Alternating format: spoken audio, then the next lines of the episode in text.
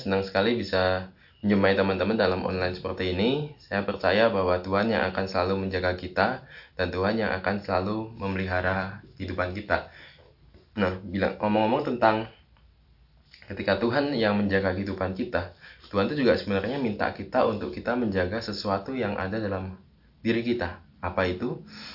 Tuhan minta untuk kita menjaga hati kita. Kita buka di Amsal 4 ayat 23. Di situ dikatakan bahwa jagalah hatimu dengan segala kewaspadaan, karena dari situlah terpancar kehidupan. Dan Tuhan begitu minta kita itu untuk menjaga hati kita. Karena apa? Hati kita itu adalah pusat dari kehidupan kita. Jika hati kita baik, maka hidup kita akan baik juga. Jika hati kita nggak baik, maka hidup kita akan nggak baik juga. Nah, di sini saya akan memberi judul share saya ini adalah menjaga hati.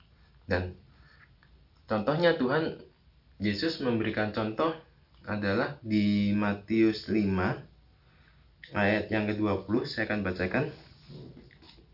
Maka aku berkata kepadamu, jika hidup keagamaanmu tidak lebih benar daripada hidup keagamaan ahli-ahli Taurat dan orang-orang Farisi, sesungguhnya kamu tidak akan masuk ke dalam kerajaan surga. Di sini Tuhan bilang bahwa kita hidup kita nggak lebih baik daripada ahli-ahli Taurat dan orang-orang Farisi, kita nggak akan masuk dalam kerajaan surga.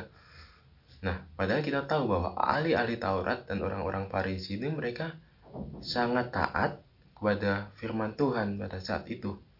Mereka berdoa, mereka berpuasa, mereka berikan persembahan, mereka melakukan persepuluhan, mereka melakukan semua perintah yang ada dalam hukum Taurat.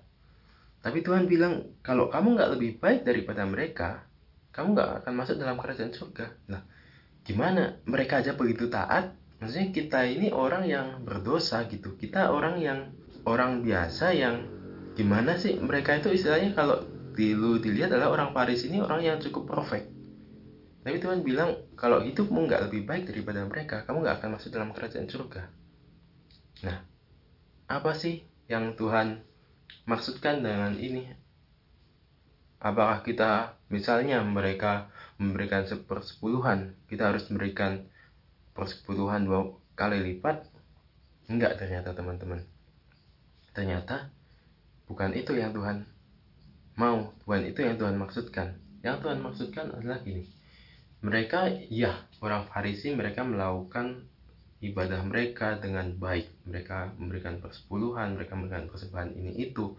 Mereka berdoa, mereka e, berpuasa dan lain sebagainya. Tapi hati mereka itu tidak tertuju pada Tuhan. Tuhan tahu, Tuhan bisa melihat hati mereka. Nah, yang Tuhan maksudkan apa? Tuhan mau supaya kita hati kita benar-benar tertuju pada Tuhan. Kita melakukan ibadah kita, kita berpuasa, kita berdoa, kita memberikan persembahan kita ini itu dan yang lain-lain. Motivasinya hanya satu, karena kita menyenangkan Tuhan. Bukan supaya kita dilihat orang lain, bukan supaya kita dipuji oleh orang lain, tapi supaya apa? Supaya kita ini benar-benar menyenangkan hati Tuhan. Kita mau supaya Tuhan senang kehidupan kita. Fokusnya adalah pada Tuhan itu pribadi. Makanya Tuhan bilang ketika kamu memberi tangan kananmu tangan kirimu jangan tahu. Ketika kamu berdoa tutuplah pintu supaya orang nggak tahu kamu berdoa. Cuma Tuhan sendiri yang tahu gitu. Nah poin yang pertama adalah Tuhan ternyata lebih fokus pada hati kita daripada kepada apa yang nampak dari luar.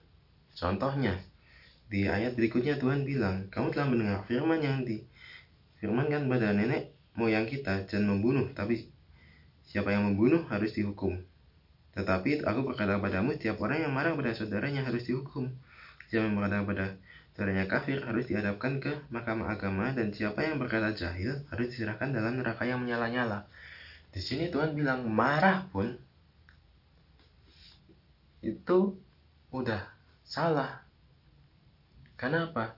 Gak ada orang yang ujuk-ujuk uh, mau membunuh orang. Enggak, pasti ada sesuatu dalam hati dia. Oh, saya marah pada orang ini.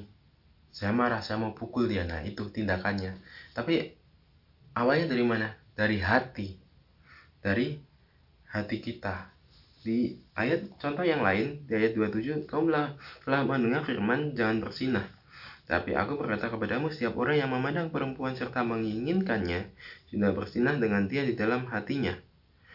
Dan Tuhan bilang kalau kita cowok nih terutama lihat cewek. Oh saya menginginkan orang ini yang bukan muhrimnya tentunya yang bukan istrinya. Nah itu kita udah dianggap itu bersinah. Karena apa hati kita apa hati kita nggak beres hati kita ngapain hati kita menginginkan sesuatu yang bukan milik kita sesuatu yang bukan milik kita kita mengingini akibatnya apa bersinah bisa melakukan tindakan-tindakan hal yang lebih parah lagi. Nah, akarnya apa? Nah, Tuhan itu ingin apa? Tuhan itu ingin membersihkan hati kita. Kenapa Tuhan berkata seperti itu? Tuhan itu ingin membersihkan hati kita. Poin yang pertama tadi adalah Tuhan lebih melihat kepada hati kita daripada pada tindakan-tindakan kita. Poin yang kedua adalah Tuhan ingin membersihkan hati kita. Nah, gimana cara Tuhan membersihkan hati kita? Kita balik lagi ke ayat yang ke-23. Sebab itu, jika engkau mempersembahkan persembahanmu di atas mesbah dan engkau teringat akan sesuatu yang ada dalam hati saudaramu tetap engkau, tinggalkanlah persembahanmu di depan mesbah itu dan pergilah berdamai dahulu dengan saudaramu. Lalu kembali untuk mempersembahkan persembahanmu itu. Tuhan bilang apa? Jika kamu datang sama Tuhan, dan kamu ada sesuatu yang gak baik terhadap di hatimu terhadap orang lain atau bahkan orang lain ada kita sih baik-baik aja gitu tapi orang lain ada merasa sesuatu yang gak baik dengan kita kita harus berdamai dulu dengan mereka. Intinya apa? Tuhan mau membersihkan hati kita. Tuhan mau supaya hati kita ini bersih. Supaya apa? Kita datang kepada Tuhan itu dengan tenang. Misalnya kita habis misalnya habis cekcok gitu dengan orang tua kita misalnya atau dengan teman kita. Terus kita datang beribadah sama Tuhan datang gereja atau kita datang berdoa pribadi sama Tuhan pasti kita akan teringat-ingat itu. Dan ibadah kita jadi nggak fokus gitu. Nah Tuhan mau apa? Tuhan mau supaya kita membersihkan itu. Hati manusia nggak ada yang tahu. Yang tahu kita sendiri dan Tuhan. Dan Tuhan mau supaya hati kita itu tetap bersih saya akan tutup dengan satu ilustrasi. Saya punya satu teko kopi ini. Kopinya kopi hitam. Nah, dan saya punya ada dua gelas. Yang satu gelas bening, satu gelas sudah ada warnanya, gelas putih. Ketika kita tuang ke gelas yang putih ini, nggak ada perubahan warna di sini. Di gelas ini. Tapi ketika kita tuang ke gelas yang bening ini gelas yang tadinya bening berubah jadi hitam. Sesuai dengan warna kopinya. Karena apa? Karena gelas ini transparan terbuka. Nah Tuhan melihat hidup kita itu seperti ini. Tuhan melihat hidup kita itu transparan. Tapi orang lain melihat hidup kita ini seperti ini.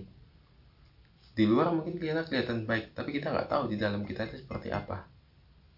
Nah Tuhan tahu supaya Tuhan tahu hati kita dan Tuhan mau supaya hati kita ini bersih.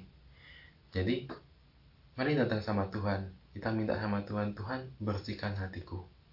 Kita jaga hati kita. Kita ada sesuatu hati nurani kita bilang ada sesuatu yang nggak benar. Oke, ayo kita bersihkan hati kita. Ada sesuatu yang nggak baik, ada hubungan yang rusak mungkin dengan teman kita, orang tua kita. Ayo kita bereskan supaya apa? Supaya hati kita itu bersih.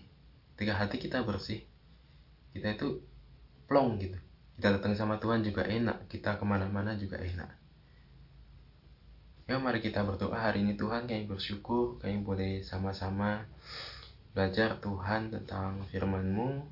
Bagaimana Engkau melihat hati kami Tuhan.